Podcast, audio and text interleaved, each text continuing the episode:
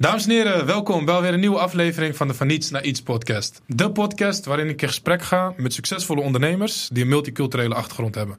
Vandaag zit ik in de studio met uh, Senna El Morabit. Zij is de medeoprichter van Mono Mocktails. Senna, welkom in de studio. Dankjewel. Ik ga je kort introduceren, wat highlights benoemen en dan gaan we daarna lekker in gesprek. Helemaal goed. Yes. Senna die studeert uh, af in Tilburg aan uh, de Tilburg University en daar doet ze de studie rechten. Uh, na het afronden van haar studie uh, begint ze als jurist aan de Hogeschool, uh, aan Hogeschool Holland, moet ik zeggen. Tegelijkertijd is ze ook actief bij ASR, waar ze als student begint, een soort van bijbaan. En later wordt ze verantwoordelijk ja, voor fraude in de ja, in de functie van fraudecoördinator bij ASR. Super groot uh, bedrijf, super winstgevend bedrijf. Een mooie functie. In 2019 besluit ze toch het DNA, het ondernemers-DNA aan te spreken. Um, en uh, trekt ze stoute schoenen aan. Uh, start ze haar eerste onderneming samen met haar zusje. Mono Mocktails, de alcoholvrije cocktails. Nou, dat gaat super goed. Ze zijn al meer dan vier jaar bezig. Ze hebben ups en downs meegemaakt. De coronacrisis overleefd mooie opdrachtgevers bediend, zoals Disney, EY, maar ook uh, uh, business-to-consumer uh, partij. Dus kleine evenementen bij, bij consumenten, zoals Najib Amhali, Hakim Ziyech en nog veel meer. ze hebben meer dan 290.000 volgers op Instagram. ze doen het supergoed. ben jij benieuwd hoe dit succes allemaal is ontstaan? Wat ze hebben geleerd van de moeilijke periodes? Wat zijn allemaal van plan is met de internationalisering? Blijf dan vooral luisteren en kijken en raak geïnspireerd. Ja, Senna, welkom. Nogmaals. Dankjewel. Dank je. Ik, ik zei het in de introductie. Uh, je besloot op een gegeven moment om uh, ja, te gaan ondernemen. Het ondernemers-DNA aan te spreken. Ja. Ik zeg dat omdat ik weet dat jouw broers onder andere ook aan, on, aan het ondernemen zijn. Ze zijn de oprichter van Little Mariam. Ja. Dat is een babyvoedingmerk. Ligt onder andere in de Albert Heijn. Lammerberg. Uh, heeft dat uh, ondernemers-DNA ervoor gezorgd dat jij makkelijker die stap naar het ondernemerschap hebt kunnen zetten? Omdat je een soort van support voelde? Of is het meer vanuit jezelf gekomen? Het is wel vanuit onszelf gekomen. Esma en ik zijn zeg maar, tegelijkertijd begonnen met het ondernemen. Het, uh, het oprichten van Mono Mocktails. Mm -hmm. En terwijl wij aan het ondernemen waren, waren onze broers ook aan het ondernemen. We zijn ongeveer tegelijkertijd begonnen. Uh, het is niet zo dat we zeg maar, elkaar hebben ja, wellicht wel indirect hebben gesupport. Ik weet nog dat, uh, dat Esma vertelde van... Uh, want zij is degene die met het idee is gekomen van Mono Mocktails.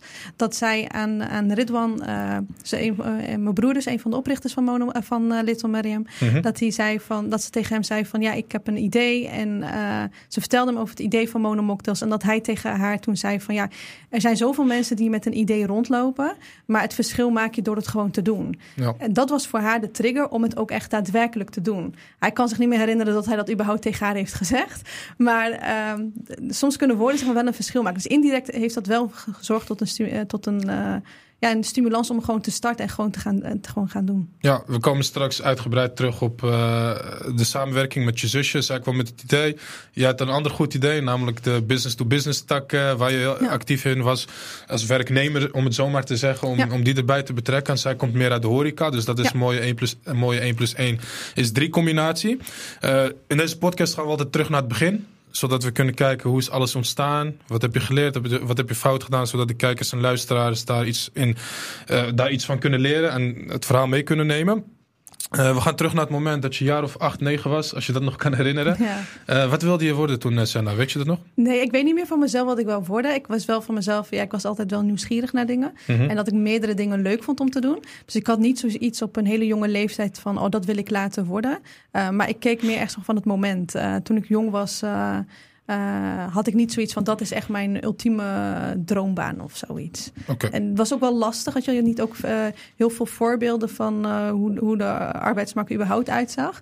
Maar ik vond meerdere dingen vond ik altijd wel leuk. En ik vond het altijd ook wel op jonge leeftijd altijd wel leuk om creatief bezig te zijn. Ja. Ik vond het altijd wel leuk om te tekenen, dingen te maken. Ik kan ook klussen en dat soort dingen. Ja. Dus dat, ik, creativiteit, dat vond ik altijd wel heel erg leuk om te doen. En ja, boeken lezen en studeren, dat, uh, althans dingen leren, dat vond ik op jonge leeftijd ook wel heel erg leuk. Ja, dus dat creatieve, je kwam er al snel achter dat dat, dat wel hetgeen is waarvan je dacht, hey, hier wil Ja. ik misschien wat mee. Klopt. Alleen was je er niet echt bewust mee bezig wat betreft het, ja, het omzetten naar een onderneming. Mm, was het misschien zo dat jouw ouders ook ondernemers waren? Kan dat? Nee, mijn ouders waren geen ondernemers. Uh, mijn vader, laat ik maar, was op een ja, jonge leeftijd als gastarbeider naar Nederland toegekomen. En Hm. uh, heeft gewerkt. En mijn moeder, die, mijn moeder is ook wel heel creatief. Ze heeft op een mode, althans op een huishoudschool gezeten. En ze volgt ook een modinettenopleiding. Dus mijn moeder is ook heel erg creatief en vindt het leuk om ja, van niets iets te maken. Dus kledingstukken. Ja, ja, ja. Dus, dat is mooi. Daar komt die creativiteit vandaan. Wanneer kwam die creativiteit ehm, voor het eerst tot uiting bij jou in je leven? waarbij je dacht van, hé, hey, misschien kan ik dit omzetten naar iets wat andere mensen ook zouden willen? Um, nou, ik vond het altijd wel leuk om dingen te maken. Zoals je kijkt bijvoorbeeld naar Ramadan, suikerfeest, uh, leed, offerfeest. Dat, dan had je niet echt... Om, nu heb je wel heel veel aanbod. Ja. Maar in die tijd had je niet zo heel veel. En ik vond het altijd wel leuk om met familiefeest om dan zeg maar iets te maken.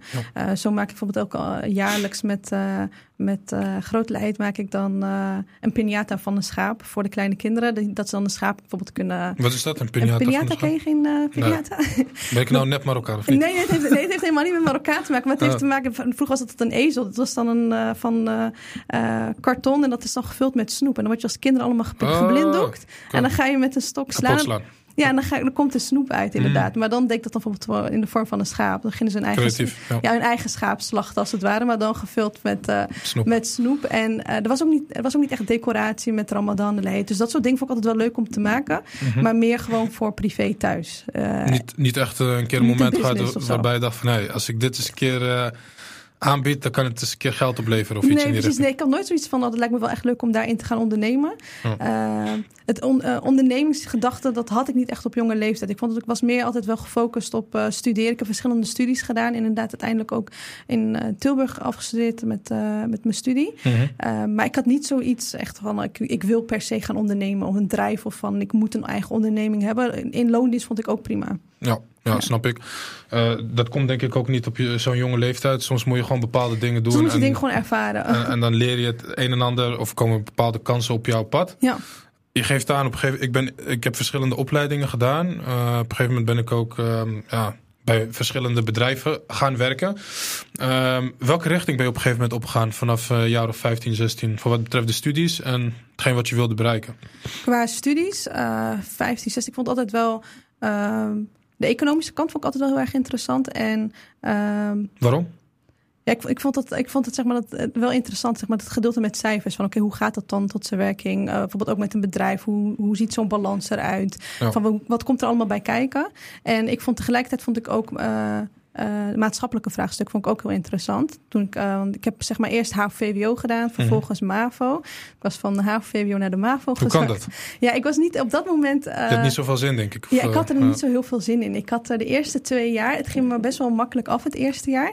Had ik, was ik net overgegaan en ik had heel veel vakken, ook veel talen. En dat was niet echt mijn ding. Mm en ik vond het ook wel gezellig op school. En mijn vriendinnen zaten met name op, de, op het VMBO.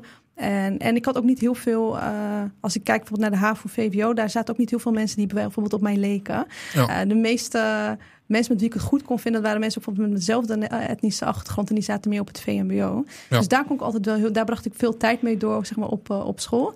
Uh, uiteindelijk ging ik naar de MAVO en dat was wel voor mij het besef toen ik op de MAVO zat van het was te makkelijk voor mij. Weet je. Ik weet nog mijn allereerste toets, dat was voor wiskunde.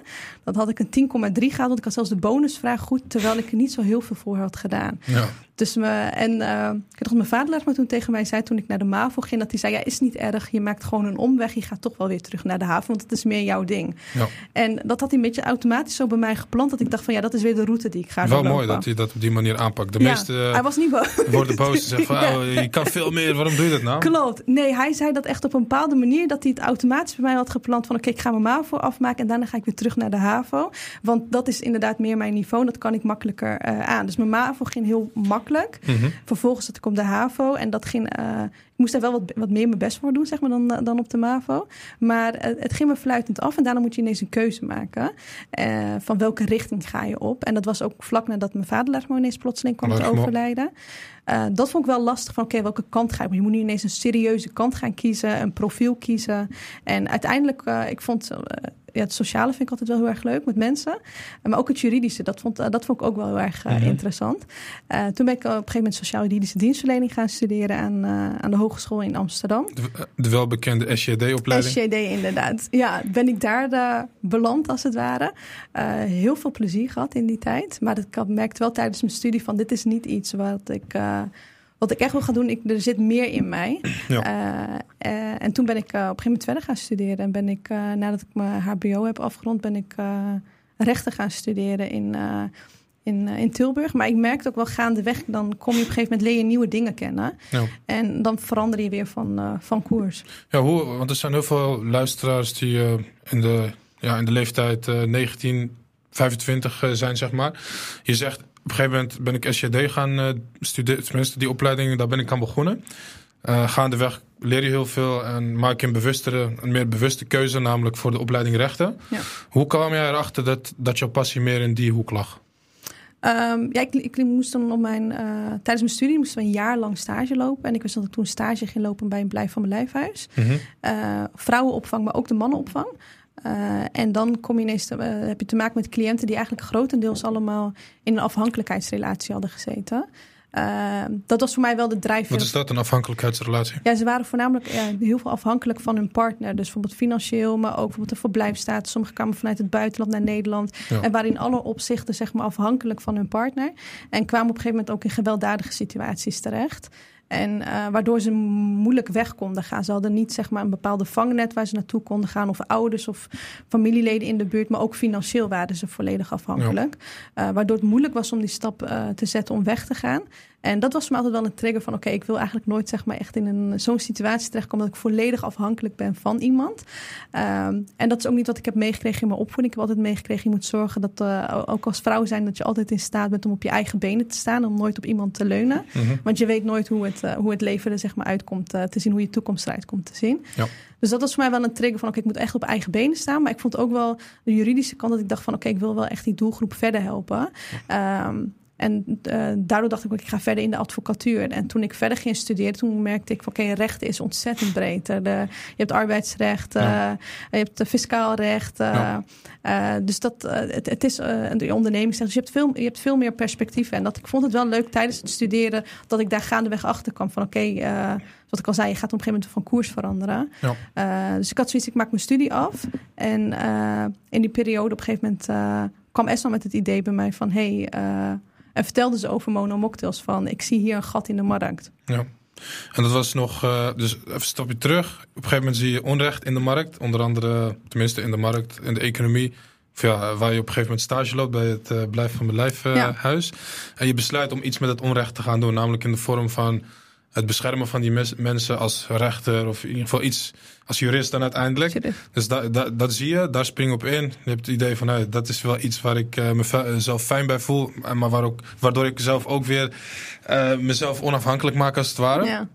Dus je besluit om de studie rechten te gaan doen. Um, en tegelijkertijd komt Esma, jouw zusje, met het idee uh, voor alcoholvrije cocktails als het ware. Ja. Je was nog niet afgestudeerd? Nee, ik was toen bijna afgestudeerd met mijn bachelor. Mm -hmm. uh, en maar ondertussen, wat ik al zei, op een gegeven moment ga je van koers veranderen. Ik vond zeg maar, dat was mijn drijfveer om te gaan verder studeren. Maar gaandeweg, ik bij mijn werkgever ook allemaal verschillende rollen vervuld. Waaronder bijvoorbeeld ook in de medezeggenschap. Dat stukje welke, on... Over welke werkgever praten we dan? Dan hebben we het over ASR. Mm -hmm. En uh, dat stukje onrecht, dat is iets waar ik altijd dan heel slecht tegenkwam. En mm -hmm. vandaar dat ik bijvoorbeeld ook in de medezeggenschapsrecht uh, zat. ik vind altijd wel, sommige, ik ben best wel mondig. Ik kan heel goed voor mezelf opkomen. Ik kan heel goed zeggen wat ik wil en wat ik niet wil en wat ik denk. En sommige mensen zijn dat best, vinden dat best wel lastig. Bijvoorbeeld ja. om te zeggen wat ze echt denken of wat ze, wat ze vinden. En op de werkvloer merkte ik dat ook. Weet je, dat, dat er mensen zijn dat als ze dan werken, dat ze dan lastig vinden om te zeggen wat ze tegen een leidinggever of tegen een collega om te zeggen wat ze echt, wat ze echt vinden. Wat ze echt, ja. uh, of hoe ze ergens over denken. Dus vandaar ook op een gegeven moment mijn rol in de medezeggenschapsraad. En dat ik weer mijn koers, dat ik op dat moment ook mijn koers veranderde. Want ik had mijn bachelor afgerond. Dus dat ik in mijn masterfase. En dat is dan dat je mag gaan specialiseren. En toen uh, koos ik zeg maar voor, uh, voor het arbeidsrecht. Ja. En op een gegeven moment heb je, heb je gekozen inderdaad voor de master arbeidsrecht. Ja. Je bent actief bij ASR. Was, was dat de reden ook dat je voor die verdieping hebt gekozen? Omdat je binnen ASR wellicht ergens naartoe wilde groeien? Ja, niet zozeer per se binnen ASR. Um, maar ik vond wel, zeg maar, dat, uh, uh, dat arbeidsrecht, dat vond ik wel mm -hmm. erg interessant. Meer, meer, meer in de vorm van, van HR of als een jurist, arbeidsjurist. Mm -hmm. En dat is ook de reden waarom ik... Uh, uh, op dat moment uh, ging werken bij de Hogeschool in Holland als arbeidsjurist. Ja. Um, ja. Dus dat heb je ook nog gedaan. Dat heb ik ook Inderdaad, nog gedaan. je pendelt van ASR naar eh, hogeschool in Holland. Je bent een beetje aan het kijken van oké, wat past het beste bij wat ik wil doen. Tegelijkertijd komt het idee van hey, de alcoholvrije cocktails. Dat Ja. is ook wel een mooie marktkans waar we iets mee kunnen doen. Hoe ga je om met, eh, met al, die, eh, ja, al die zaken tegelijkertijd? En hoe maak je de keuze om uiteindelijk voor iets te kiezen waar je volop voor gaat? Ja, dat is een hele goede vraag, want dat vond ik echt heel lastig op dat moment. Want als je ook een beetje hoort wat ik allemaal heb gedaan, dan merk ik wel dat ik verschillende dingen leuk vind om te doen. En dat ik ook wel een beetje zoekende was van oké, wat past nou bij mij? En op het moment dat ik zoiets had van oké, dit vind ik niet meer leuk om te doen, of ik vind iets anders leuk, dan, ja, dan bewoog ik mee. Ik bleef niet vastzitten in iets van oké, ik heb hier nou eenmaal voor gekozen, voor deze studie of voor dit soort werk. Dus ik blijf hier maar. Dus ik, ik veranderde daar zeg maar wel in als, ik- als, eh, als ik iets anders wou doen. Maar op een gegeven moment deed ik dus te veel. Toen eh, werkte ik en zowel bij ASR en bij de hogeschool. En eh, toen waren we net begonnen met de starters van Mono Mocktails. En eh, ja, je hebt maar eh 24 uur op een dag. Ja, Eh, weet je waarvan je acht slaapt. Ja, althans, eigenlijk maar 16. ja, als je erachter slaapt. Maar weet je, je probeert in ieder geval wel achter te slapen.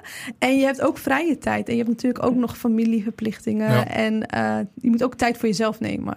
En eh, in die periode, op een gegeven moment, eh, toen we net begonnen met mono mocktails. ehm, dat was net voor de coronaperiode. Eh corona zorgde ervoor dat het op een gegeven moment wat rustiger werd met mono. En daarna ging het ineens als een raket. Weet je, het ging echt ontzettend hard.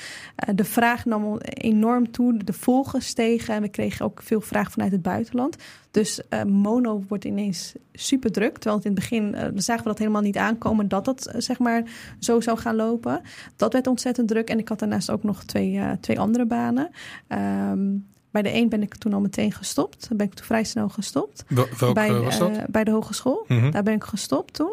En ASR, daar werkte ik echt al zo lang in het begin. Dat het echt gewoon een soort van... Op een gegeven moment iedereen heeft een soort van comfortzone. Ja. En die comfortzone is fijn en vertrouwd. En, ja, want je hebt er in totaal iets van 40 jaar, 14 jaar nou, gewerkt. 40. Sorry, dankjewel. 14 jaar gewerkt, toch? nee, nee, ja. Eh, nee, ik moet even zeggen 13 jaar in totaal. 13 jaar, ja. 13 jaar inderdaad. Ik had net mijn Dat, jubileum. dat doe je natuurlijk ook niet zomaar. Dan Nee. moet het wel goed voelen en fijn. Ja, en ik vond het ook wel een hele fijne werkgever. En eh, dus ik had er net mijn jubileum gehad van 12,5 jaar. Dus eh, bij 13 jaar toen ben ik gestopt. En eh, ehm, ja, bij de hogeschool was ik dus gestopt. En bij, eh, toen moest ik op een gegeven moment een keuze maken. Want eh, ja, je hebt zo weinig, eh, je, hebt, je hebt beperkte tijd. Dat is, het gaat ten koste van je privé-tijd als het ware. Ja. Van je eigen rust. En je kan niet continu aanstaan met, eh, met blijven werken. Toen... Binnen ASL had ik dus ook, ik zat ook in de medezeggenschapsraad, waardoor ik direct contact ook had met de CEO. Mhm. En eh, ik wist dat ik met hem ook het gesprek hierover had van eh, ehm, wanneer stop je als het ware. En ik weet nog dat hij mij het advies gaf van ga in gesprek met andere ondernemers. Want elke ondernemer loopt er tegenaan van oké, wanneer vertrek, ver- eh, verlaat je nou zeg maar je comfortzone en ga je echt zeg maar volledig voor het ondernemen. Mhm. En wat ik wel heel fijn vond bij ASR had ik ook de mogelijkheid om een sabbatical op te nemen. Ehm, dus dat had ik daarvoor eerst gedaan. Ik had eerst een sabbatical opgenomen van drie maanden. Dan ben je nog steeds in dienst en krijg je nog steeds betaald. Niet Mhm. volledig betaald, maar wel een bepaald percentage. Maar heb je ineens wel heel veel tijd over. En was dat nog voor het moment dat Mono Mocktail zeg maar als raket... eh, dat was op dat moment dat het zeg maar best wel hard ging als een en raket. dan praten we over denk ik halverwege 2020. Dus net na de lockdowns. Wanneer was dat? ja, net na de lockdown eigenlijk. Het was zeg maar de, zo- de zomerperiode. Van 2020. Ja, de zomerperiode ging heel hard. En toen dachten we van oké, het zal waarschijnlijk heel hard gaan vanwege de zomerperiode. En je hebt een. Ik wil je eh, graag even onderbreken, want ik hoor iets waarvan ik denk... Hey, de kijkers en luisteraars eh, zullen dit ook wel interessant vinden. Je gaf aan een betaalde sabbatical Ja. vanuit ASR. Dus dan kun je dus drie maanden krijgen gewoon betaald. Maar hoe werkt dat precies? Is dat iets wat je moet opbouwen aan uren? Of Ja, het is aan, aan jaren meestal. Het verschilt denk ik per CAO. Dus ik denk dat dat wel interessant is om te kijken in je CAO. Mhm. Eh, want volgens mij als je bijvoorbeeld ongeveer vijf jaar in dienst bent... eh, kan je een, betaalde sabbatical opnemen... En eh na weer een x aantal jaar bijvoorbeeld kan je weer een betaalde sabbatical opnemen. Dus mocht het zijn dat je bijvoorbeeld in loondienst bent en je hebt zoiets van eh, na zoveel jaar en ik, eh, ik wil gaan ondernemen, maar ik durf nog niet die stap te zetten, is het wel interessant om dan in ieder geval naar je CAO te kijken. Om te kijken of je dus ook zo'n eh, Ja. of je een recht op. Maar dat is niet iets wat standaard is ingeregeld standaard. is in de wet. Want je hebt bijvoorbeeld ook met de WW-uitkering... dat als je je baan opzegt, heb je volgens mij iets van een overbrugging... dat je zes maanden een bepaalde support kan krijgen van het UWV... om je onderneming op te zetten. Ik weet dat dat wel bestaat, die regeling. Maar dit is dus iets wat echt CAO-afhankelijk is. CAO en toevallig bij jou, omdat je ook heel veel jaren daar... Ja. aan werkervaring hebt opgebouwd... dat je dat zo dan mooi op kunnen bouwen. Ja.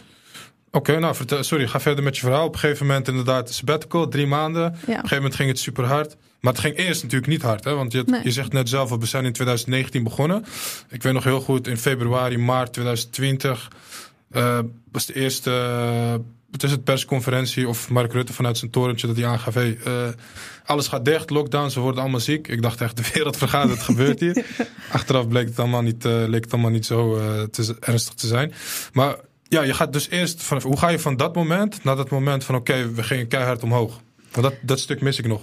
Uh, van het moment van de, sabbat, van, uh, van de coronaperiode bedoel je Ja, toch? dus vanaf het moment dat het slecht gaat... Uh, naar het moment dat het wel skyrocketing gaat in de zomer. Wat gebeurt er in die periode? Ja, je merkte zeg maar, de, de, er mocht zeg maar wel iets meer zeg maar, met, met de coronamaatregelen. Je mocht op een gegeven moment steeds meer mensen thuis ontvangen. Maar je merkte ook wel dat men, dat men het ook zat was. Want je had een, een lange periode dat de meeste mensen zeg maar, niet echt sociale contacten. Mhm. Beperkte sociale contacten, laat ik het zo zeggen. Je kon niet op kantoor werken, je kon niet uit eten. Dus heel veel mensen hadden gewoon een een, een, huis of een groot huis waar ze iets hadden, dan ga ik mijn feest maar, maar, uh, maar thuis uh, geven. En, uh, wel vaak binnen de, de grens dat mocht, maar sommigen hadden ook zoiets van: ja, ik doe toch een grotere groepsgroot, want het is mijn huis. Uh, en daardoor werden we steeds vaker geboekt. ik denk dat zeg maar, corona er ook wel voor heeft gezorgd dat een periode rustig was, maar daarna heel hard is gegaan. Want sommigen stelden bijvoorbeeld als ze beginnen trouwen, stelden ze de bruiloft uit. of dan. Uh, normaal zouden ze bijvoorbeeld iets doen met een verjaardag, dat ze uit eten zouden gaan of in de zaal. Maar omdat het allemaal grotendeels thuis werd gegeven, werd het ook meer uitgepakt. Ja. Uh, en uh, ik denk dat dat er ook wel voor heeft gezorgd dat we daardoor zo vaak werden geboekt. Daarnaast verzorgden we niet alleen maar alcoholvrije cocktails, de mocktails, maar we maakten het ook echt, zeg maar, echt in thema. We konden het in elk soort thema maken. En daar hebben we echt op ingespeeld. Met bijvoorbeeld baby showers, dat we alles, bijvoorbeeld alles in blauw konden maken of alles in roze. Op een gegeven moment gingen we zo ver in thema's dat we zelfs je eigen foto bijvoorbeeld op de, op de mocktails konden de plaats dat je zelfs uh, uh, ja, je, je, je, jezelf zeg maar kon, kon opdrinken. Opdrinken, of, ja. of dat het zeg maar dat uh, een printje kwam ook in, in het thema van het feest. We hebben gewerkt met allerlei soorten themaglazen van uh, een voetbalbal tot hakjes. Ja. en beertjesthema's. En dat hebben we zeg maar steeds meer en meer lopen ja. uitbreiden. Waardoor dat soort beelden ook echt viraal gingen. Je merkte wel dat Amerika loopt best wel vaak voorop. En dan komt het zeg maar hier in Nederland vaak in het westen. Altijd. Ja. ja.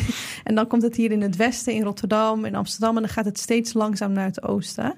Uh, maar zelfs in Amerika hadden ze, hebben ze geen thema mocktails. Ja, dus, dus we, jullie liepen voor op Amerika? We liepen voor, ja, wij liepen dus voor Vet, op Amerika. Ja. En dan, uh, wat je dan krijgt, is dat je heel veel volgers krijgt vanuit Amerika. Uh, en vanuit het buitenland die dan naar ons gaan kijken van, oh wat gaaf wat jullie doen. We hebben zoveel berichten gehad, ook van bartenders en zo over de hele wereld. Die zeggen van, ik kijk echt gewoon naar jullie op. Uh, ja. Maar ook gewoon partyplanners die zoiets hebben van, wat, wat jullie doen, dat hebben wij hier niet. Terwijl het vaak andersom is. Zij hebben het als eerst en dan, dan volgt, dan volgt Nederland. Ja, ik hoor veel geheime recepten voorbij komen. Uh, succesverhalen. Tegelijkertijd denk ik van ja, um, je hebt eerst die sabbatical. Heb je inderdaad heel veel tijd, geef je net aan. Uh, ook de lockdown zorgt er ook weer voor dat je heel veel tijd hebt. Tegelijkertijd word je wel doorbetaald door ACR in die, ACR in die drie maanden. Je hebt heel veel tijd, want het gaat en heel slecht met monomocktails... vanwege de lockdowns en alle regels. Tegelijkertijd heb je heel veel tijd. Wat heb je in die uh, periode gedaan waarin je heel veel tijd hebt... waardoor um, monomocktails op een gegeven moment wel zeg maar een soort van springplak effect heeft. Want volgens mij moet je wel klaar voor zijn om skyrocketing te gaan. Dus wat hebben jullie toen allemaal gedaan nou, aan het bedrijf? We hebben uh, sowieso geïnvesteerd in onze social media. Mhm. Dus uh, echt gewerkt met de fotograaf voor foto's. We hebben met video's gewerkt. We hebben ook tijdens corona, omdat heel veel dingen niet mochten, hebben gekeken, oké, okay, wat mag wel? nee, je mocht dan met drie personen volgens mij zo thuiskomen. Je moest allemaal thuis werken. Dus we hebben pakketten gemaakt van dat je een mocktails, dat je één mocktail bijvoorbeeld al thuis kan ontvangen. En dat hebben we ook aantrekkelijk gemaakt voor werkgevers. Van je kan een, een mocktailpakket samenstellen althans een mocktailpakket ontvangen. Dat kan je opsturen naar al je werknemers. Wij versturen het dan. En dan kan je het samen via Teams kan je het maken. En dan doe je een soort van activiteit samen. Uiteindelijk cheers je samen. Oh ja, slim. Ja. Uh, dus daar hebben we op ingespeeld. En ook een van de belangrijkste dingen die we hadden gedaan... is dat we nog geen website hadden. Ja. En uh, ja, wat, we wouden een website maken, maar ja, de, het stond stil. Dus je hebt gro grotendeels geen inkomsten vanuit het bedrijf zelf. Dus toen hebben we de website zelf gemaakt. En omdat we veel tijd hadden... hadden de website zelf gemaakt, hebben daar zelf in geïnvesteerd. Van oké, hoe maak je een website? Nou, met YouTube kom je echt ontzettend ver met het maken van een, van een website en een webshop. En daar hebben we de dag van vandaag nog steeds profijt van. Want heel veel van onze aanvragen komen via de, website, eh, via de website binnen. Ja, want je, je hebt eerst eigenlijk de eerste etalage, dat was dan Instagram. Ja. Dan denk je van ja, eh, het gaat super lekker. Waarom we hebben in principe geen website nodig? Dan heb je ineens heel veel tijd. Bouw je wel die website en dan schijnt die website juist veel leads op te leveren. Ja. Um, welke functie had die website? Uh, Want ik kan me voorstellen, sorry, dat Instagram is meer voor consumenten en trendsetters, inderdaad, trendvolgers. Maar een website moet je echt naartoe. Dus wat was de strategie van de website? Hoe kan het dat dat, dat, dat zo succesvol was? De website heeft echt als doel, was, was echt als doel om de B2B-markt eigenlijk te bereiken. Dus echt bedrijven. Een bedrijf als die een, uh, ja, een borrel gaan verzorgen, een alcoholvrije borrel, dan gaan ze naar Instagram toe om je te zoeken. Daarnaast ben je ook heel moeilijk vindbaar uh, op Instagram als je ja. zoekt op bepaalde termen. Ja. Je moet echt een bedrijf kennen om het te vinden. Maar via Google kom je heel ver. En nu ook als je zoekt op mocktail events of mocktail workshops, staan wij bovenaan op de pagina wow. zonder advertenties. dat heeft voor, we hebben er zo vaak geïnvesteerd om continu onze eigen website aan te passen. We hebben onze eigen foto's. Uh, en uh, het is ook altijd heel uh, interessant om aan, aan een klant te vragen: oké, hoe ben je bij ons terechtgekomen? Een grote gedeelte komt via de website. We hebben ook in heel veel kranten gestaan. Dus daar, dat is allemaal na corona natuurlijk gekomen. Maar dat heeft er ook voor gezorgd dat, dat wij steeds beter vindbaar zijn. Ja. We, hebben, ja. we hebben heel erg gewerkt zeg maar, aan onze zichtbaarheid en met name aan onze vindbaarheid. Van hoe kan je ons vinden? want daar hebben we ook even met, met elkaar over gesproken: van oké, wie is nou onze doelgroep? Wat, wie willen we allemaal bereiken? En uh, hoe moeten ze ons dan zien te vinden? Vandaar ook de website en onze social media. En als je ons dan vindt, vindt via welk kanaal dan ook, wat willen wij dan dat je ziet? En uh, wij, hebben er ook, wij kiezen er ook bewust voor om niet te delen wie wij als personen zijn en wat wij allemaal doen uh, in, onze, in onze dagelijkse leven, maar echt te focussen van dit is ons werk. Uh, dus als je op onze social media kanalen kijk, kijkt, dan zie je altijd ons werk en niet wat wij gisteravond hebben gegeten bijvoorbeeld. Ja, dan kies je dus inderdaad voor om te focussen op business to business. Ja. Was dat toen ook een, uh, een marktkans? Maar, dat, waar niet veel andere uh, mocktailbedrijven op inspeelden. Hoe, uh, hoe zag je dat? Want dat was jouw idee. Jouw zusje, jouw, mede, jouw compagnon, die komt uit de horeca. Die, die had denk ik meer het idee van ja, we focussen ons op evenementen en bedrijven, kleinere feestjes. En het idee voor business to business kwam bij jou vandaan. Hè? Um, Hoezo dacht je dat die markt zo groot was en uh, hoezo dacht je dat daar behoefte aan was in de markt? Ja, ik merk dat natuurlijk zelf. Want ik denk dat als je bij een bedrijf werkt en je bent bijvoorbeeld bij een borrel aanwezig. Uh, als iedereen cheers met bijvoorbeeld een, een, biertje of een wijntje en jij bent daar met de enige als fris, dan val je automatisch al buiten de groep.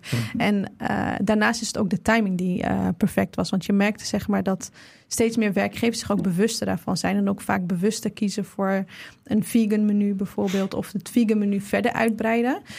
Um, in plaats van. Uh, ik was laatst bijvoorbeeld ook bij een bedrijf hadden we een workshop verzorgd en daar hadden ze een, een, een lunch. En één tafel zat vol met uh, vis en vlees. En één tafel zat ook weer vol met, met vega. Uh, dus je merkt wel dat werkgevers daar bewust ook voor kiezen om steeds meer aanbod te hebben. Zowel in vega, ook in halal, um, maar ook in alcoholvrij. Ja. En uh, dat was voor ons de juiste timing eigenlijk. Want ja. um, nu ook als wij borrels verzorgen voor bedrijven, dan is het vaak ook een borrel wat bewust volledig alcoholvrij is.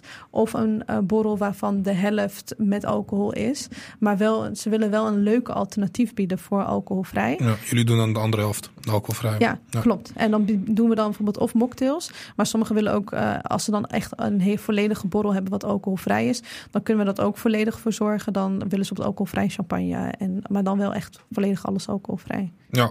Een gegeven moment bouwen jullie die website, maar hoe zorg je ervoor dat inderdaad de eerste business-to-business klant binnengehaald wordt? Hoe, uh, hoe ging dat? Daar ben ik wel benieuwd naar.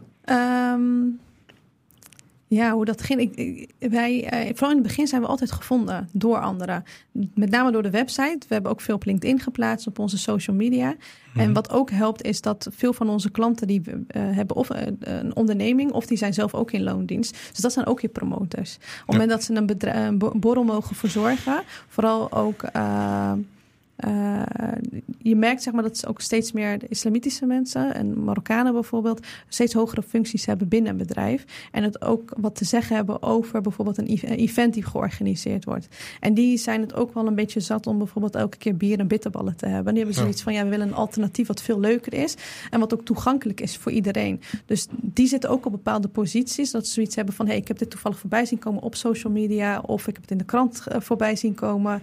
Maar er is wel een bedrijf. Uh, die bijvoorbeeld volledig alcoholvrije um, mocktails kan verzorgen. En dan ziet het er ook goed uit voor mijn collega's die normaal altijd alcohol drinken, maar het ziet er wel gewoon goed uit. Ja, ja en dan kiezen ze ervoor om dan bij jou uh, uit te komen. Weet je nog wie de eerste business-to-business klant is? Kun je de naam noemen? Um... En hoe die dan uh, bij, jullie terecht is gekomen? Je geeft aan via de website, maar belt zo iemand op, sturen ze een aanvraagformulier op, uh, zeggen ze van hé hey jongens of dames, hoe ging dat? Ja, ik moet eerlijk zeggen dat ik niet meer weet wie de eerste was. Dat was zeg maar echt een gekke huis. We hebben echt een periode gehad dat het zo hard ging. Dat ik gewoon niet meer weet zeg maar, wie echt de allereerste... Uh, Klant was. Wie, wie, ja, de luxe eerste, probleem. Ja, de, ja, het is een luxe probleem. En dat ik het niet meer weet, dat is echt een periode. Het ging zo hard. En die telefoon ging eigenlijk de hele dag, en maar ook nacht af. Want we hebben heel veel volgers in het buitenland. Dat we zelfs in de nacht werden gebeld. En de aanvragen stroomden zeg maar binnen. Voor zowel via. Uh, uh, Instagram kregen we heel veel aanvraag binnen. We kregen via de mails, uh, via de website hadden we een contactformulier. En dat stroomde zeg maar over uh, via WhatsApp. maar mensen weten je ook via je privékanalen te benaderen. Dus dat liep zo over dat we gewoon geen overzicht hadden. We hadden ook onze reactietijd was in het begin. Dus ook iets niet waar we trots op zijn. Maar dat was, liep gewoon echt, het was, was heel langzaam. Ja. Omdat de aanvraag zeg maar... De, ja, het stroomde gewoon letterlijk over. Snap ik.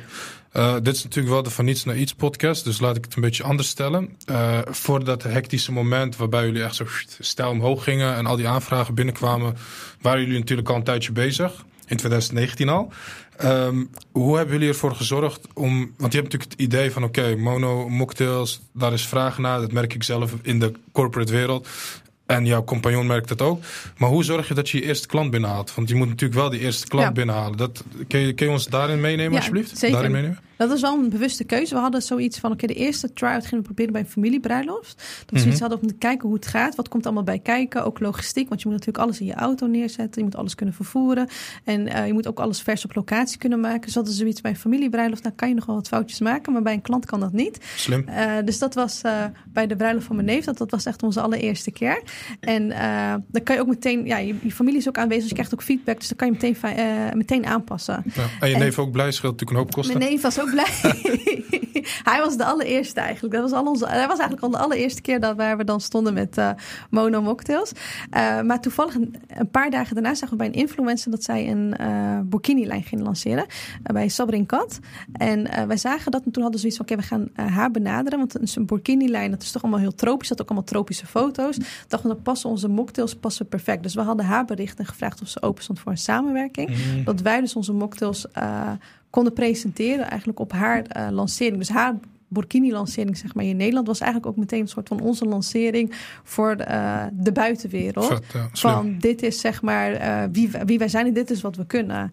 En dat was wel zeg maar een van onze slimste, een, een, een van onze eerste slimste zet zeg maar, om te zorgen dat je meteen zichtbaar bent voor een groot publiek. Ja, dus je gaat het eerst testen. Ja. je komt erachter van oké, dit gaat goed, dit niet.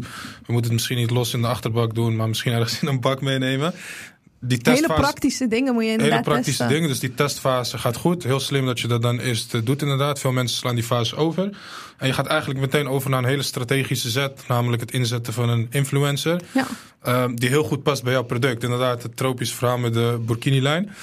Um, hoeveel influencers had uh, de betreffende Volgers bedoel je? Ja, of, uh, sorry, zei ik influencers? Hoeveel ja. volgers had de betreffende influencer? Uh, ja, ik, ik, weet niet meer. Volgens mij zat het echt wel op 200 of 300.000. Wow. Uh... Oké, okay, dus dan besluit je om samen te werken met die mevrouw. En vervolgens ga je natuurlijk afwachten. Komen de aanvragen binnen, ja of nee? Hoe, wat kwam daaruit? Wat was het resultaat? Heel veel vragen. Toevallig hadden we de week daarna meteen weer een andere opdracht. Bij ook een influencer uh, met een heel groot bereik. Uh, met een miljoen volgers. Dus dat ging. Je merkt uit Nederland? Ook uit Nederland, inderdaad. Uh, Ruba zei. Um, mm -hmm. Hele, beide hele lieve, lieve influencers ook. Hele lieve personen die erachter zitten. Maar je merkt zeg maar dat ja, je, zodra je bij iemand bent geweest met een groot uh, bereik, dan, uh, meerdere mensen zien dat. En uh, staat zoiets van: ik heb toevallig volgende week een, een verjaardagsfeest van mijn dochters. Candyland thema. Kunnen jullie ook zoiets maken in een Candyland thema? Dus dat Wat was, is dat, een Candyland thema? Ja, Candyland. Speelparadijsachtig. Ja, snoep eigenlijk. Het was zeg maar echt oh, ja. een snoep thema. En dat was voor ons al meteen een uitdaging van: oké, okay, het is Candyland. Dus we hadden eigenlijk eerst een tropische beleving. En zij daagde ons eigenlijk al meteen uit om met een snoepthema te komen. En dat, was, uh, dat zorgt er ook voor dat je. Uh, wij zijn best wel creatief. Dus ook het moment om weer met je creativiteit aan de slag te gaan. Oké, okay, een snoepthema. Dus met je snoep, snoep smaken erin terugkomen. Ook met snoep kan je ook heel erg leuk werken voor garnering. Ja, veel kleuren ook dus ja, klopt. Dus dat was wel weer leuk om zeg maar, met, eigenlijk meteen al aan het werk gezet te worden. Om met iets totaal anders te komen dan wat we daarvoor hadden gedaan. En wij merkten toen al op dat we door ook haar uh, vraag van ik wil iets in een thema hebben, dat we steeds meer vragen kregen van oké, maar kan je dan ook dit thema? Kan je dan ook dit thema? En op een gegeven moment word je ook ontdekt door uh, partyplanners, uh, event stylistes, die dan een feest uh, plannen voor een, voor een klant en dan de styling doen en zoiets hebben van oh, maar dit, dit maakt mijn decor ook af. Zou je, dat ook, zou je ook iets kunnen maken in dit thema? Dus we hebben in het begin ook heel veel gewerkt met event planners. Ja. nu nog steeds werken we met een aantal event planners, maar dat zorgt er wel voor dat het werk zeg maar, nog verder naar, uh, beter naar voren komt. Ja, dus je gaat van de ene influencer, kom je... Van ja, meteen bij de ander. Bij de ander, omdat je natuurlijk zichtbaar wordt bij, uh, door die ene influencer. Dan kom je een beetje in dat wereldje terecht. Um, is dat iets wat, wat mensen tegenwoordig nog steeds goed in kunnen zetten? Want je, je ziet dat die influencerwereld een beetje verzadigd raakt. Uh, dat influencers steeds meer van alles en nog wat gaan doen. Niet allemaal hoor, maar uh, je ziet wel dat mensen steeds meer reclame maken. Voor jullie was het echt een mooie strategische zet. Als ik zou luisteren, denk ik ja, inspirerend. Misschien moet ik daar ook een keertje wat mee doen. Maar wat zou je adviseren aan de mensen die kijken of luisteren... Uh, voor wat betreft het inzetten van influencers of social media? Werkt het nu nog steeds zo goed als toen bij jou? Bij jullie? Um durf ik niet te zeggen. Ik denk dat je voor jezelf heel goed moet nagaan van als je met een influencer werkt, wat, wat, welke influencer dat dan ook is, dat diegene ook bij jou, werk, bij jou, uh, bij jou past. En dat diegene ook eh, volgers heeft, uh, wat, dan, wat ook weer potentiële klanten voor jou zijn. Zijn die klanten ook bereid om jou te boeken? als je een influencer, denk ik, neemt die klakkeloos zeg maar, dingen alleen maar aan het promoten is, dan is dat denk ik niet je beste marketing om te gebruiken. Maar wees zeg maar wel selectief en, in een influencer influencer van wie zou je dan inzetten. En, uh, en uiteindelijk een, je hebt een, een influencer is iemand die jouw werk als het ware kan promoten, maar een goede klant kan jouw werk ook promoten.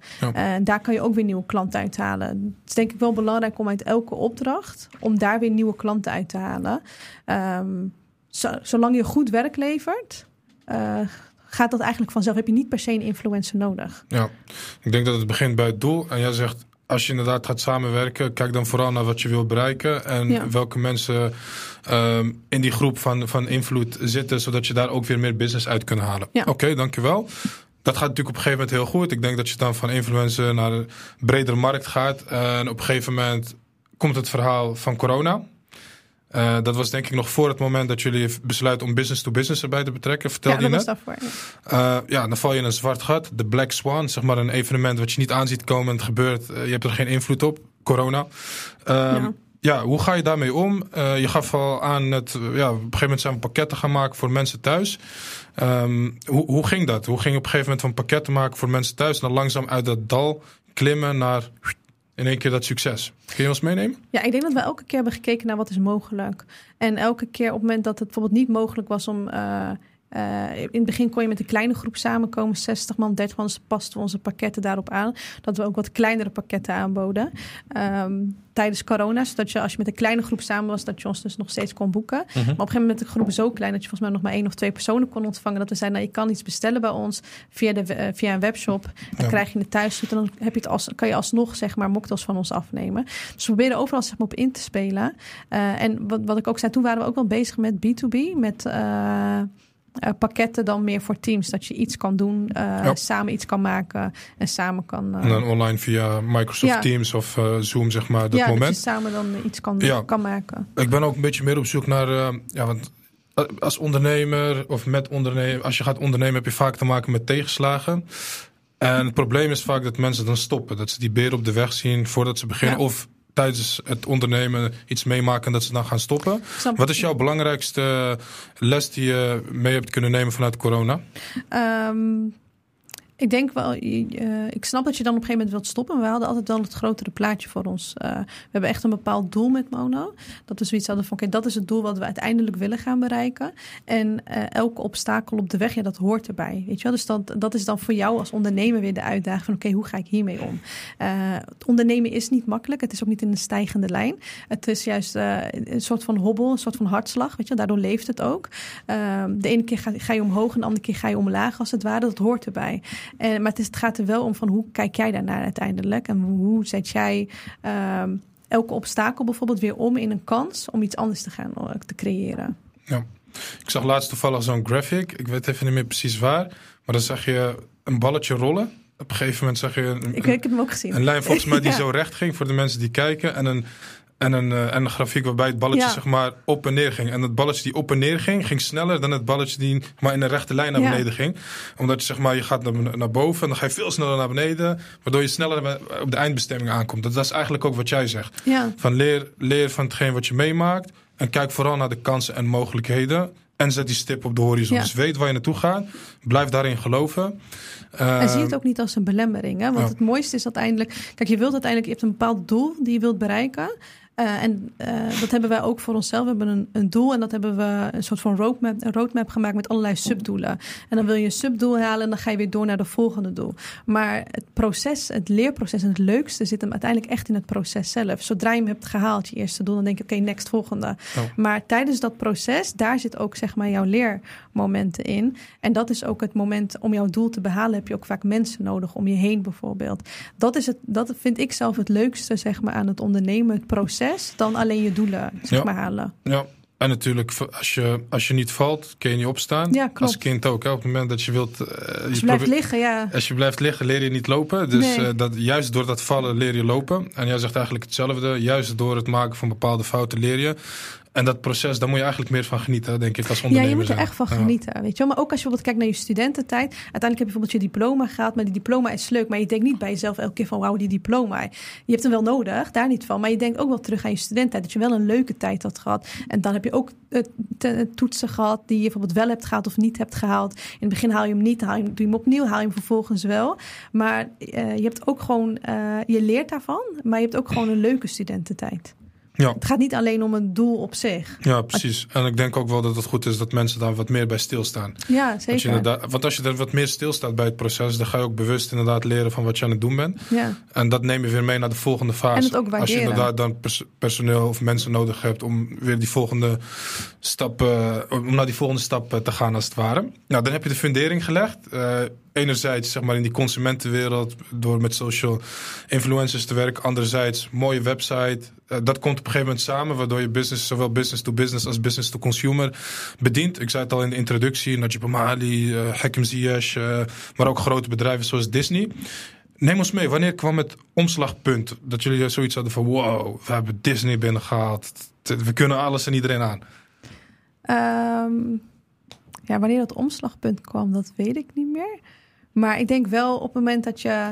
Eh, Op het moment dat we een opdracht hebben, dan zijn we helemaal niet mee bezig van oh wauw, Disney, oh wauw, eh, voetballer of. eh, Maar er is wel een verschil tussen bijvoorbeeld de telefoon die rinkelt. We kunnen niet alles netjes afwerken.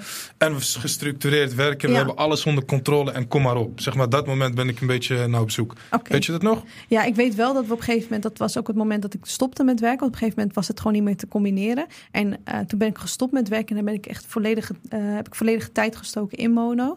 En dat was wel het moment dat we meer gingen werken aan een betere basis. En eh, zorgen ervoor dat je eigenlijk zoveel mogelijk informatie op de website hebt staan. Eh, waardoor je zo minder mogelijk eigenlijk telefoontjes krijgt. Want als je allemaal vragen krijgt of wat is je prijs of wat is je werkwijze. Ik denk als het allemaal op de website staat, dan krijg je dat soort vragen eigenlijk niet meer. Ja. Eh, dus dat scheelde al heel wat, heel wat telefoontjes. Ehm, we hebben voor onszelf een goede basis neergezet. Eh, zowel op de website hebben we zoveel mogelijk informatie neergezet. Een betere bereikbaarheid voor onszelf neergezet. Eh, ook gewoon echt gewerkt met bepaalde werkdagen en werktijden. Van dit zijn de momenten dat we bereikbaar zijn. Dan is het voor een klant ook duidelijk dat je niet in eh, ja, om 11 uur s'avonds of zo op in het weekend gaat bellen. Maar dat het gewoon op doordeweekse dagen zijn. Dat geeft ook gewoon rust voor jezelf. Want als de telefoon de hele tijd overgaat, dat brengt ook onrust met zich mee. Dat je denkt, Ja. ben ik iemand vergeten op dit tijdstip? Of zoals iemand zo laat belt in, in het weekend. Ja.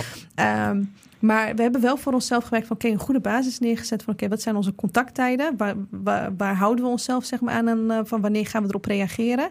Ehm, maar ook van ook, wat, wat willen we precies? Want op een gegeven moment kregen we zoveel vragen dat we zoiets hadden van oké, we hebben op een gegeven moment een keuze voor onszelf gemaakt. Oké, bepaalde feesten gaan we niet meer doen. Kleine feesten passen niet meer bij hetgeen wat we doen. Ja. Je kan niet op een event staan van Disney en vervolgens eh, de volgende dag een heel klein eh, In de eh, achtertuin bij iemand, bij iemand in de eh, achter- ja, bijvoorbeeld, je? Dat, dat is niet echt Ja, passend bij. eh, Dat werkt ook op een gegeven moment niet. nee, het Omdat is je ook processen dan door elkaar gaan lopen. Nee, je doet dan te veel dingen Ja. tegelijkertijd. En dat is, dat, is gewoon niet, dat is gewoon niet te doen. Dat, we hebben nu zoiets van, oké, kleine feesten die doen we niet meer. Uh, als iemand ons wel wil boeken voor een kleine feest... dan kan dat bijvoorbeeld via een, een pakket via onze webshop. Dat kan vanaf vijf mocktails dat je ons kan bestellen. Dan krijg je een pakket thuis en dan kan je het zelf maken voor kleinere gelegenheden. Maar voor grotere feesten, daarvoor... we hebben zeg maar een, een, een, een splitsing gemaakt. We hebben de B2B-markt. Daarvoor doen we... eh, eh, volledige tafels, maken we mocktails live, doen we workshops ook. En we hebben eh, de B2C-markt en daarop focussen we ons eigenlijk alleen nog maar meer op de, het, meer het hogere segment als het ware. En dat zijn meer klanten die ook vaak zeggen van ik wil gewoon eh, iets wat je nog nooit eerder hebt gedaan. Ja. Het zijn klanten die ons uitdagen, waardoor we, waardoor we ook elke keer weer met nieuwe dingen kunnen komen. Ja. En ook veel meer van onszelf kunnen laten zien. En dat onderscheidt ons ook weer als, eh, als ondernemers. Ja, dat is eh, zeg maar de voeding voor het creatieve brein. Ja, zeker Dat is voor belangrijk. creatieve wijn. Ja, zeker. Ja, bij veel bedrijven is dat, zijn dat vaak concurrenten, maar zeker ook feedbacken vanuit de markt inderdaad. Dus dat doen jullie supergoed.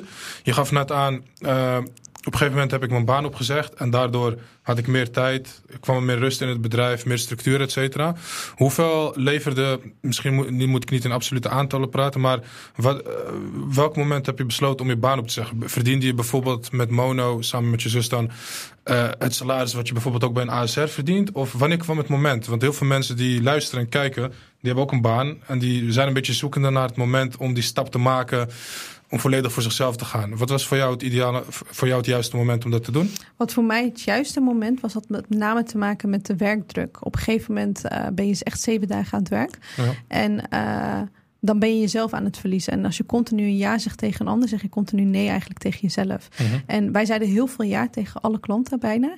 Eh, we draaiden heel wat opdrachten, waardoor je gewoon jezelf eigenlijk continu voorbij loopt. En dat was wel het moment dat we zoiets hadden oké, nou moeten we een keuze maken. Van gaan we zeg maar... eh, op deze, mom- mom- op deze manier doorwerken. Maar dat is gewoon voor jezelf is dat gewoon niet, niet houdbaar. En we hadden wel zoiets van: oké, we willen Mono echt een serieuze kans geven. Dus we willen al onze tijd daarin gaan stoppen. En ehm, eh, een dat, het is lastig om te zeggen van, weet je wel, van dit is het moment om het te doen. Dat kan zeg maar in aantallen te maken met salaris. Als je met je eigen onderneming hetzelfde of veel meer verdient, dat je denkt van dit is het moment om echt te gaan stoppen. Ehm, maar het zit hem ook gewoon om in je tijd, weet je wel. Een onderneming, en als je in loondienst bent, dan heb je gewoon x aantal uur dat je aan het werk bent. Maar als je voor jezelf, als je voor jezelf aan het werk bent, dan heb je geen uitknop. Ja. Je kan niet zeggen van oké, 9 tot 5, 5 uur, dan sluit ik. Dus eh, je gaat wel continu, zeg maar, eh, door met werken. Ja. Maar voor ons was in ieder geval het moment om, wat was voor mijzelf was het moment om te stoppen van op het moment dat ik dacht van ja, de tijd die ik daarin stop, kan ik beter stoppen in mijn onderneming. Dat levert me veel meer, eh, Ja. levert me veel meer op. En het vertrouwen was er dat, dat het concept zou gaan werken. Dus dat is denk ik wel een goede voorwaarde, toch? Dat je echt gelooft in het concept. En eigenlijk Ja. het enige wat je nog nodig hebt is tijd. En die tijd heb je niet als je ergens fulltime werkt. Ja, dat was wel zeg maar op dat moment wel echt de reden Ja. van oké, dit is wel, wij geloven erin en willen het ook een serieuze kans Ja. geven. Als je het zeg maar er niet eh, je volledige focus erin hebt gezet, dan heb je het ook niet een serieuze kans gegeven om het te laten slagen. Als je het zeg maar alleen maar er telkens bij doet terwijl je nog geen goede basis hebt neergezet, dan wanneer ga je dan die basis neerzetten? Ja, dus je, hebt, je kan het eigenlijk op twee manieren doen. Of je kijkt inderdaad naar harde cijfers. Dit is wat ik verdien bij mijn baas, werkgever. En dit is wat ik verdien met mijn hobby die ik er nu bij doe. Ja. Eh, dat, dat kan dan een manier zijn om keuze te maken. Of je zegt gewoon van inderdaad, ik stop nu 30% van mijn tijd in dit en het levert al dit op. Wat gebeurt er als ik 100% van mijn tijd insteek? Ja. Dus het is een beetje voor elke situatie, dat hangt een beetje van de situatie af. Maar Ja, wel maar- goed om naar allebei te kijken. Klopt, en ook niet alleen om te kijken naar je huidige situatie, maar ook van, eh, want het kan zijn dat je nu heel goed rijdt, maar daarna over een half jaar bijvoorbeeld niet. Je moet wel kijken naar iets te langere termijn. Ja. Van, eh, is het ook houdbaar om het eh, op deze manier te blijven doen? Ja, mooi bruggetje naar de langere termijn. Jullie zijn op dit moment ja, goed bezig. Een mooie brand neergezet, veel ups en downs.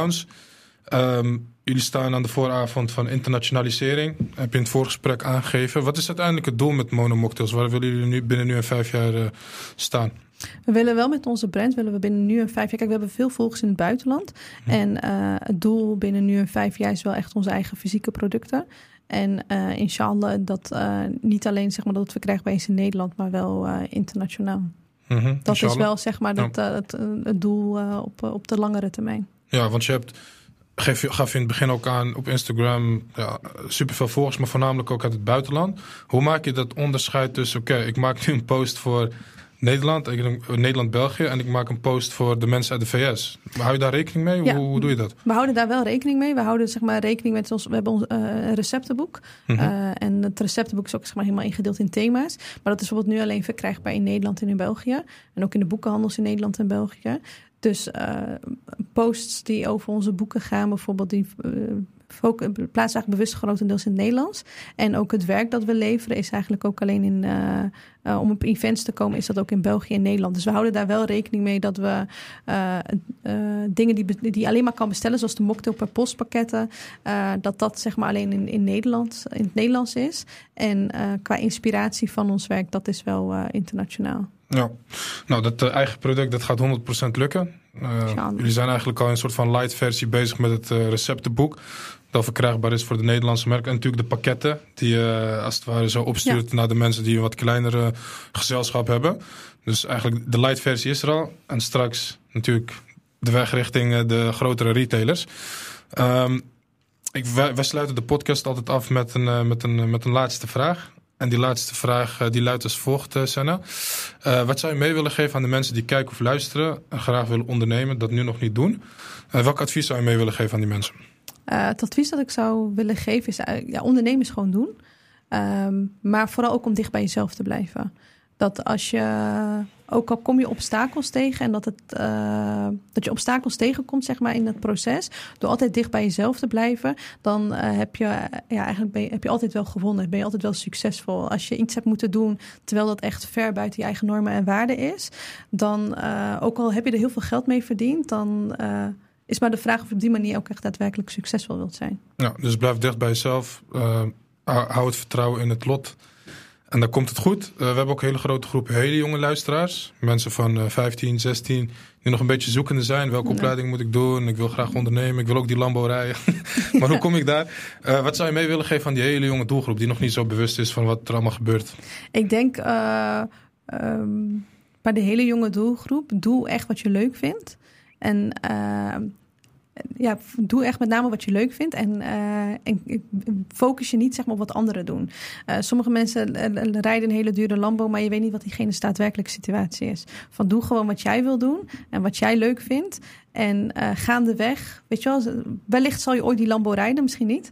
Maar weet je wel, is dat uiteindelijk echt watgeen wat je, wat je succesvol ja. zal maken? Zal je daar ook uiteindelijk je tevredenheid in vinden in een, in een Lambo? Ja, ja, begin dus vooral bij hetgeen wat je leuk vindt en ja, ik focus niet op echt, anderen. Ja, ik denk dat als je echt focust op jezelf en wat je leuk vindt om te doen, dat je dan altijd wel succesvol tot zal zijn. Ja. Uh, en stel dat we een volgende gast mogen uitnodigen. Wie zou je dan aanraden ja, voor deze podcast? Al, ik weet al wie jij wilt Ik stel die vraag nooit, maar die stel ik alleen aan jou. Omdat ja, ik, ik uh, omdat ik graag een keer inderdaad in gesprek wil met iemand die jij kent. Ja. Wie, wie, uh, wie, raad je aan voor de volgende aflevering? Ja, de medeoprichters natuurlijk van Little Mario, mijn broers. Ja, heel graag inderdaad. Dus uh, dat, uh, dat is wel iets wat we in ieder geval vast mee kunnen geven aan de kijkers en luisteraars. Little Mariam, superleuk voeding, babyvoedingmerk. Ligt bij de Albert Heijn, onder andere. Dus inderdaad, een shout-out naar jouw broers. Charles komen ze ook een keertje hier. Voor de rest zou ik zeggen, ga vooral de Instagram pagina volgen van jullie. Uh, Mono Mocktails op Instagram. Voor de mensen die een pakket willen bestellen thuis. Op welke webshop uh, kunnen ze terecht? www.monomocktails.nl Monomocktails.nl Voor nee. de mensen die het receptenboek willen kopen... en zelf de, met de cocktails aan de slag willen... waar is het receptenboek allemaal te verkrijgen? Het is verkrijgbaar via onze webshop... maar het is mm -hmm. verkrijgbaar ook in alle boekenhandels in Nederland en in, uh, dus in denk aan, moeten we dan denken aan Bruna? Aan Bruna inderdaad, zoals in de Bijenkorf en bol.com. Oh, okay. Kijk. Ja, heel handig inderdaad om concreet even die namen te benoemen, zodat mensen weten waar ze terecht kunnen. Ja. Uh, ben je zelf ondernemer en wil je een keer een wat grotere partij organiseren voor je bedrijf, dan weten jullie uh, eh, zijn er te vinden? Op welke website? Of tenminste op welk e-mailadres? Of waar kunnen ze meer informatie vinden als jullie, als jullie willen benaderen Als voor het inhuren? benaderen op onze website vind je echt... We hebben, is wat ik al zei, we hebben echt geïnvesteerd in onze website. Zoveel mogelijk informatie staat op www.monomocktails.nl. Ja. Eh, dus daar kan je van, alle, van alles vinden over ons werk en eh, werkwijze, prijzen. Ja. En over ondernemers gesproken, het grootste gedeelte van onze klanten zijn ook eh, ondernemers. Ja, Geer. Inshallah. En ja, als je het googelt, kom je sowieso bij hun terecht. als Want jullie hebben jarenlang geïnvesteerd in SEO, dus lang maar werk. Ja, dus gewoon google op alcoholvrije cocktails of gewoon monococktails.nl. Ehm jullie zijn bezig maar ook met... in de media. Daar zie je ook best wel wat interviews over. als je zoekt op Mono Mocktails, dan vind je ook veel van onze Ja, interviews over onszelf. ja, op het AD zag ik eh interview volgens mij in de buurt. En dus dat doen jullie Ja. supergoed. Dus wil je daar wat meer over weten, dan weten jullie ze te vinden. Eh, ook als je inderdaad in de privésfeer een wat grotere themaavond wil organiseren. Voor je lancering of in ieder geval een soort van eh, bruiloft of iets in die richting. Dan weten jullie Monomocktails te vinden. Ook met het product wat op de planning staat. Dat gaat helemaal goed komen. Dus Ja. ga ervoor inshallah. Voor nu zou ik zeggen, beste kijkers en luisteraars. ehm, volg ons op Spotify. Volg ons op Instagram. Volg Monococktails. Ehm, duimpje omhoog eh, voor wat betreft eh, video van eh, deze aflevering. Dat, helpt er, dat zorgt er eigenlijk voor dat deze ja, video weer terecht komt in het algoritme. Zodat mensen zoals jij geïnspireerd kunnen raken. Dus deel, deel dit vooral alsjeblieft. En voor nu zou ik zeggen, tot de volgende keer. Bedankt voor het kijken en luisteren. Doei doei.